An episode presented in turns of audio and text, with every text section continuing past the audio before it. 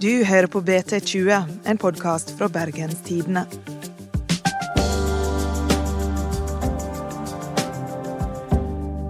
Sommeren 2007 forsvinner 22 år gamle Jung Tran Larsen uten et spor. Politiet mener hun er blitt drept, men tolv år seinere er saka fremdeles uløst. I denne episoden skal vi treffe en som aldri kommer til å slutte å leite. Mitt navn er Ingvild Nove.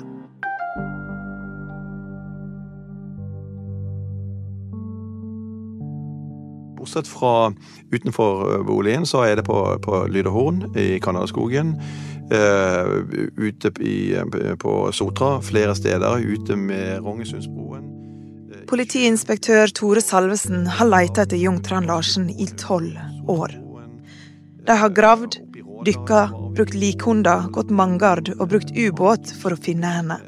Uten hell. Fremdeles er hva som skjedde med Jon Trand Larsen et av Bergens største mysterium. På Voss, vi har vært eh, Ja, det er, det er veldig mange steder. Er det noen saker du som politimann har tenkt mer på enn denne? Nei, det er det ikke. Eirin Eikefjord er jurist og kommentator i Bergens Tidende. Salvesen er jo Jung-saken. Og jeg tror at han har vært helt sentral på alle måter. Det var jo han som fikk den første telefonsamtalen. Han rykker rett ut, skjønte straks at dette her var en sak. Og siden det så har jeg inntrykk av at han har holdt fast i den saken. Det har blitt en slags besettelse for han, i positiv forstand, da. For han har jo en profesjonell besettelse. Der han virkelig ikke gir seg og gjør alt han kan for å snu alle steiner. Ja, den dagen husker jeg veldig godt. Det var fredag 20. Eh, juli i 2007. Hva gjorde du på den dagen? Nei, Da hadde jeg kommet hjem for, for eh, ettermiddagen, men ble oppringt fra sentralvakten på politihuset, som eh, da hadde fått eh, tatt imot en, en savnetmelding eh, på en person som hadde vært borte i, i, i, i lengre tid. Han legger fra seg lørdagsavisene og rykker rett ut på kontoret. Det er ektemannen og hans mor som bare dukker opp på politistasjonen 20. juli ikke for å levere en savna-melding, de vil bare nevne at hun er borte, og ikke gjøre noe særlig nummer av det. Og så er det jo politiet da som må holde det igjen og si at dere må faktisk fylle ut en savna-melding her. Og de gir liksom ikke noe inntrykk av at de tar det veldig på alvor, eller at de er bekymra, og da har det jo gått en uke, sier de, siden de siste har sett henne. Men politiet mener jo at det har gått atskillig lengre tid. Blant annet eh, så hadde hun veldig eh, tett trafikk på sosiale medier, på eh, tekstmeldinger, på telefon osv. Hun fødte en datter den 18. juni 2007. Rundt det tidspunktet var det veldig mye kontakt. Altså, oppi 100 eh, skal vi si, eh, initiativer fram og tilbake, enten det var på sosiale medier eller hva det var. Eh, så var det bråstopp 23.06.2007, ca. klokken 11.23. Det var, det var siste livstegnet. Det var en, en SMS hun sendte fra telefonen sin. Etter det så har det vært helt fullstendig dødt. Og det, det var det en av de klareste indikasjonene på at kanskje noe hadde skjedd som, som ikke burde ha skjedd. Kan du si noe om hva som sto i den SMS-en, og hvem den var til? Nei, det kan jeg ikke gå inn på, for vi holder jo da fortsatt på med saken. Hva var, utenom det her, hva var de siste sporene dere hadde etter Jung? Det var et uh, bilde uh, som var tatt med et kamera uh, tidfestet til den 23. i 6. 2007 klokken 16.13. Det er det absolutt siste sånn sett livstegnet som, som er av, av Dungtran Larsen. 14. juli er datoen ektemann sier hun forsvinner. Kan det ha skjedd noe i dette tidsrommet? Ja, det er det vi ønsker å kartlegge og forsøke å avdekke. På pressekonferansen i dag offentliggjorde politiet et bilde fra en overvåkningsvideo fra Sparebanken Vest i Loddefjord datert 1.6, hvor Jung tok ut et større pengebeløp sammen med sin mann. Det er den jakken vi med bakgrunn i beskrivelsen tror at sakene hadde på seg. Politiet har de siste dagene delt ut stikkbrev til husstandene i nærheten av Jungs hjem, og i dag mottok de et tips fra en nabo som mener å ha sett Jung etter 23.6. Tipset er ennå ikke sjekket ut, og etterforskerne kunne derfor ikke uttale seg videre om det. Nå jobber de videre etter fire forskjellige teorier. Umiddelbart i, i, sånne saker så, så, tenker vi ut fra fire hypoteser. Og Det ene er at vedkommende har vært utsatt for en ulykke. Det andre er at vedkommende ønsker å være vekke. Det tredje kan være at de har begått selvmord. Og det fjerde er at de kan ha vært utsatt for noe straffbart. Hva er det som gjør at dere begynner å mistenke at det har skjedd noe kriminelt? Det, det er egentlig en sånn eh, totalitet i forhold til alt vi har funnet, men ikke minst hva vi ikke fant. Altså hvilke spor vi ikke fant, eh, er òg med på å, skal vi si, eh, styrke mistanken mot en eller flere hypoteser. Hva er det dere ikke fant? Nei, Jeg kan dessverre ikke gå inn på, på detaljer rundt det, pga. at vi fortsatt holder på. Kan du huske sånn cirka nøyaktig når du tenkte at dette her er drap? Um, det var i dagene før den 23.8. Eh, vi eh, Det var da vi, eh, vi foretok disse pågripelsene. Og det var i dagene før det, rundt 19.-20. august, vi, vi, vi siktet disse fire personene. Og, og, det var jo selvfølgelig i forbindelse med det. Og, og det, det, det, er vanskelig å på en måte peke på en dag der ok, der bestemte vi oss. Det er en, skal vi si, en, en oppkjøring mot, mot, der mistankegrunnlaget blir så sterkt at det blir mer enn 50% og da mener vi at det er nok til å, å, å gå til pågripelse i, i saker generelt, og i denne saken her. Politiet mistenker ganske raskt at familien står bak. Og etter hvert så blir fire familiemedlemmer sikta. Det vil Si ektemannen, svigermoren, svigerfaren og svogeren. Alle de siktede har nektet straffskyld og avvist at familien har noe å gjøre med Jungs forsvinning. Ektemannen fikk fire uker med brev og besøksforbud. Svigermoren fikk to. Han tar dette veldig tungt. Veldig tungt. Og forstår ikke hele den situasjonen han er kommet opp i. Hun tar det tungt og har påkjært kjennelsen til Gulating lagmannsrett, så jeg vil innlevere støtteskriv til dette på, på tirsdag før klokken tolv. Politiet mener jo at de ganske raskt etter 23.6, som er den dagen politiet mener at Jung forsvant, går fra å leve veldig vanlige liv til å oppføre seg merkelig og irrasjonelt. Og det er en rekke indisier som gjør at de tror at hun kan ha blitt drept. Fire dager etter at politiet mener Jung Tran Larsen ble drept, sender ektemannen en søknad om barnehageplass. Feltet for mor er ikke fylt ut. Jung Tran Larsen er heller ikke nevnt blant de som kunne hente sønnen i barnehagen. Barnehagesøknaden er ett av mange indisier politiet har samlet i etterforskningen av de fire drapssiktede. En av de er at 23.6 er tre år nøyaktig tre år etter at de ble gift.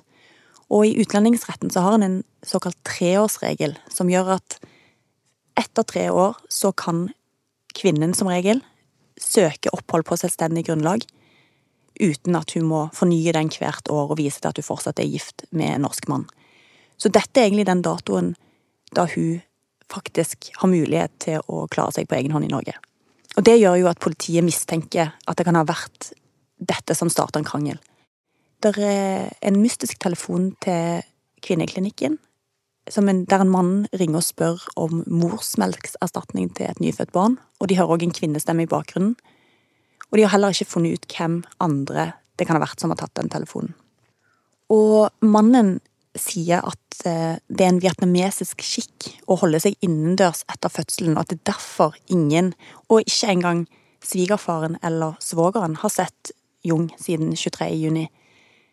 Men det politiet syns var påfallende, er jo at denne skikken påvirka hun på ingen måte da hun fikk det første barnet, eller da hun gikk på kontroll med barnet, eller i noe som helst, eller da hun kjøpte sandaler på Sartor senter. Sånn at det virker som det er noe han har funnet på for å forklare at hun ikke har vært ute av huset siden 23. juni. Disse indisene gjør at politiet tror at Jung er drept, og at det er ektemannen og svigermoren som står bak. De sitter veldig lenge i varetekt, fire måneder, mens politiet gjør alt for å undersøke saken nærmere. Men bevisene holder rett og slett ikke. Nok er nok, mente tingrettsdommer Beate Blom da politiet ba om fire nye uker for de siktede. Etter nærmere tre måneder i varetekt løslot hun savnede Jon Tran Larsens ektemann og svigermor, med bakgrunn i at det ikke lenger er fare for at de to kan få spille bevis i saken. Nå må politiet presentere nye bevis. Kjennelsen kom ikke overraskende på ektemannens forsvarer, advokat Frode Skogvold. Det er en stor lettelse for han. Vi har diskutert denne dagen her, og um, jeg tror at um, han får en god dag i dag, samme om han er dårlig i ryggen og ligger til sengs. Det måtte bare gå denne veien i dag, altså. De er ikke på noen måte sikta eller mistenkt i denne saken nå. Nei. Saken ble henlagt på bevisets stilling i 2009, så det betyr at det er ingen pågående sak mot familien. Hva er grunnen til at disse bevisene ikke holdt? Det er jo ikke veldig håndfaste bevis. Det er en rekke indisier som taler i retning av at det har skjedd noe kriminelt, og at familiene har hatt noe med det å gjøre det man, familien hevder, er jo at hun har rett og slett stukket av. Problemet er jo at man ikke har et lik.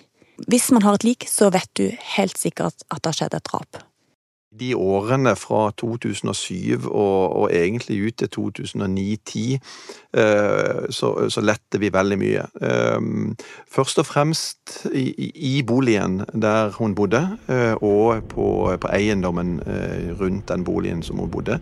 Det er All erfaring tilsier at når en person forsvinner, så blir de funnet en, rundt en 500 meter i radius fra, eh, fra bostedet sitt. Det, det er en sånn tommelfingerregel.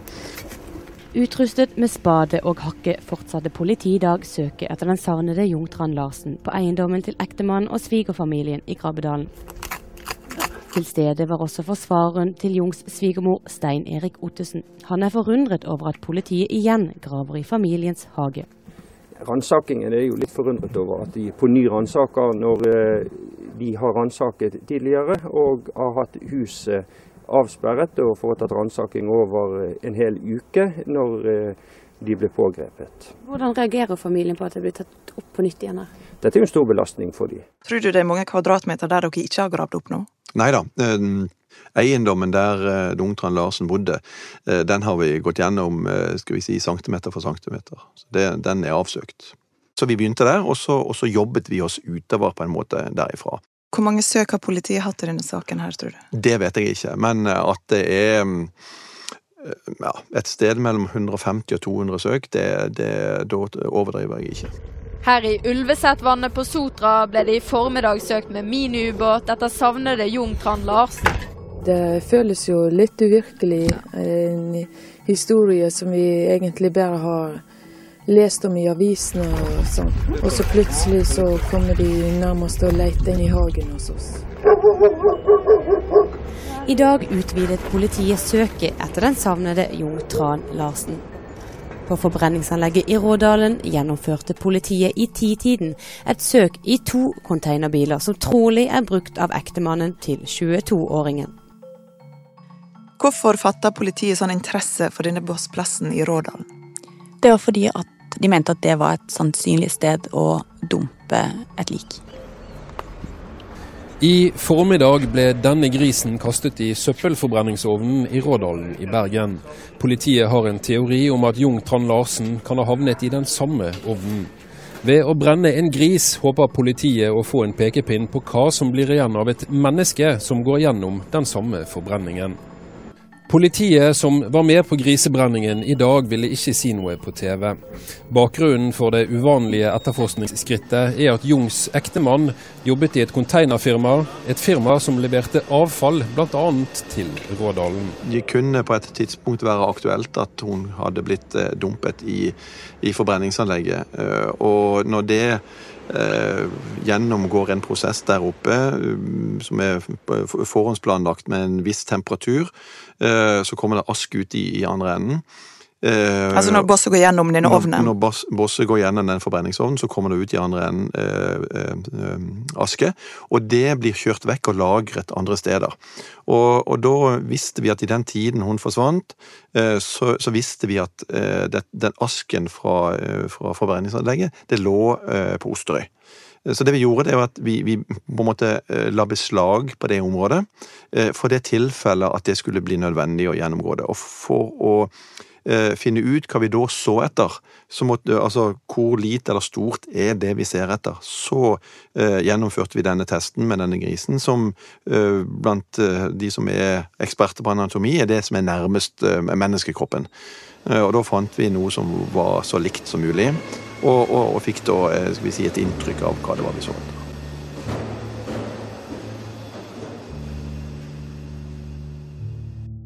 Hva slags tips fikk dere i, i denne saken her?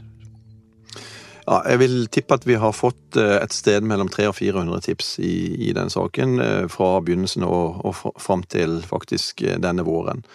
Og det er tips med, med konkrete observasjoner, og helt til tips om hva folk mener kan ha skjedd.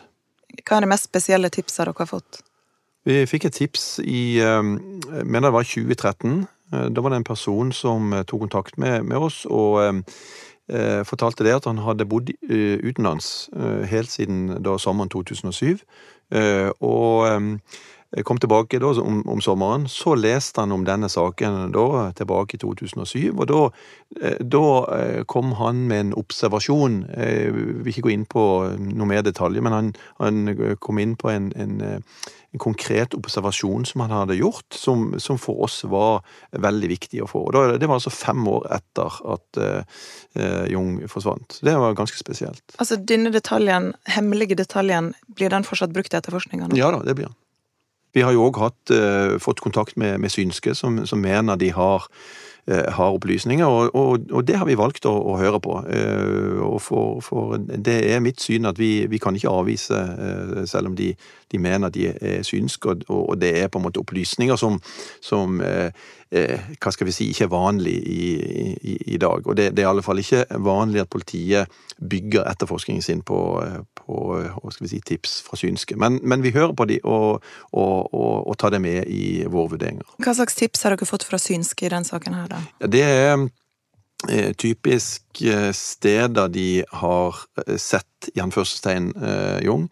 Og det kan være, og de beskriver kanskje en, en elv, et hus osv. Og, og så kan de ikke beskrive det noe nærmere, men, men vi, vi, har faktisk vært på et par steder og, og søkt der synske mener at, at Jung har befunnet seg. Har dere fått noe informasjon som har vært nyttig for etterforskninga ved hjelp av synske? Nei, ikke ennå. Det har vi ikke.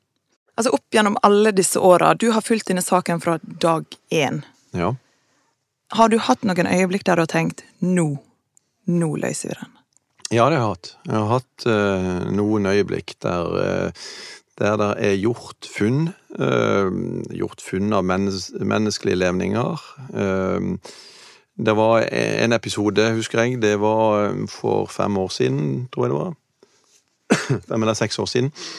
Eh, der vi fikk melding om at det var noen dykkere som hadde vært nede utenfor Askøy. og Der hadde de funnet eh, noe som var pakket inn i svart plast med masse gaffateip rundt. Og, og de beskrev det som et menneske som satt i fosterstilling inni. Uh, og da, da, var vi sikre på at nå er det like før. Om, ikke det, om ikke det var Jung, så, så iallfall noen andre. Men da viste det seg at det var noen som av en eller annen grunn hadde pakket inn en sau Eh, og i plast og med masse gaffateip rundt. Men da, da, var vi eh, rimelig sikre på at eh, Og det har vært et par tilfeller òg ute på, på, Sotra der de har funnet levninger etter mennesker, men som, som da stammet fra, fra, andre. Jeg husker i 2015 så fant de en haudeskalle på Kyrkjetangen. Mm. Og da tenkte vi det er kanskje Jung. Mm. Tenkte du òg det? Ja da. Eh, jeg ble oppringt den, eh, den, kvelden, og jeg husker jeg eh, reiste sporenstreks til stedet for, for, å se. Nå, nå viste det seg at den var vel egentlig flere hundre år gammel, den, den hodeskallen. Men, men, det er veldig vanskelig å, å, for en lekmann å, å, se forskjell på altså aldersbestemme det, for å si det sånn. Jeg så et intervju med deg i 2008, og der sa du at det gikk ikke én dag uten at du tenkte på den saken her. Mm. Nå er det elleve år siden. Er det fortsatt sånn? Nei, eh, det er det vel ikke. Men, men det er klart det at eh, nå, nå når vi har vært i, i en periode inne og jobbet eh, litt i saken, så er det klart at da, da er en mer framme på skal vi si, agendaen enn en ellers. Men, men, det er klart det at, at, det er sånne saker som du går rundt og, og, og tenker på. For meg så er det mer for å hva skal jeg si, finne nye innfallsvinkler.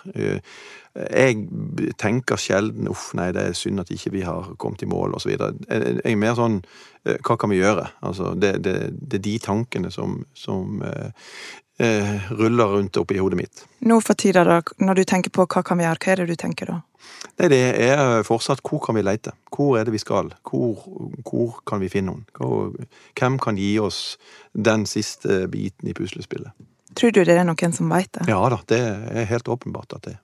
Hva ville du sagt til dem hvis de tilfeldigvis skulle høre det her? Mm. Eh, meld ifra. Helt åpenbart. Og, og, og eh, beveggrunnen må egentlig være først og fremst eh, barna til Jung, og ikke minst foreldrene, som, som selvfølgelig går og, og, og, venter, og ikke har noe Spesielt foreldrene, som har hatt et veldig sånn, hva skal jeg si, redusert liv eh, etter at dette skjedde. Hvor er det denne etterforskninga står nå?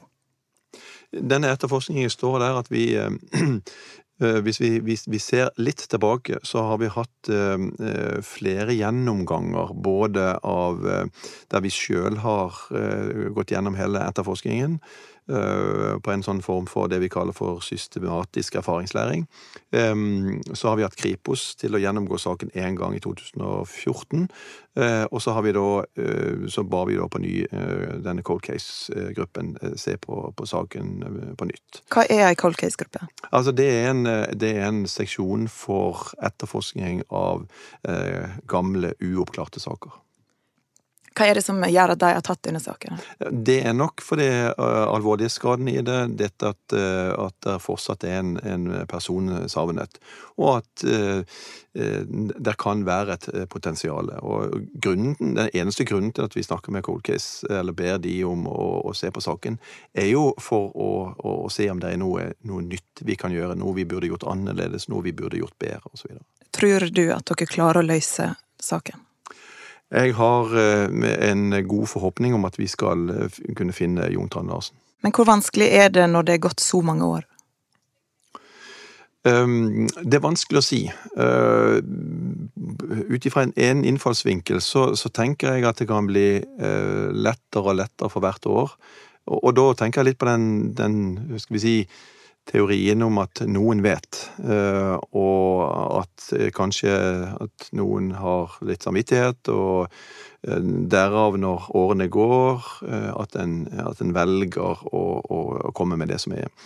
Så det er klart det at for hvert år som går, og vi ikke finner noen, så, så forringes spor. Så det kan jo være, en, det kan jo være den negative siden av at, at tiden går. Det var ukas episode av BT20. Vi er tilbake om ei uke. Husk å laste ned vår nye lydapp BT Lytt. Produsent er Henrik Svanevik. Og mitt navn er Ingvild Nave.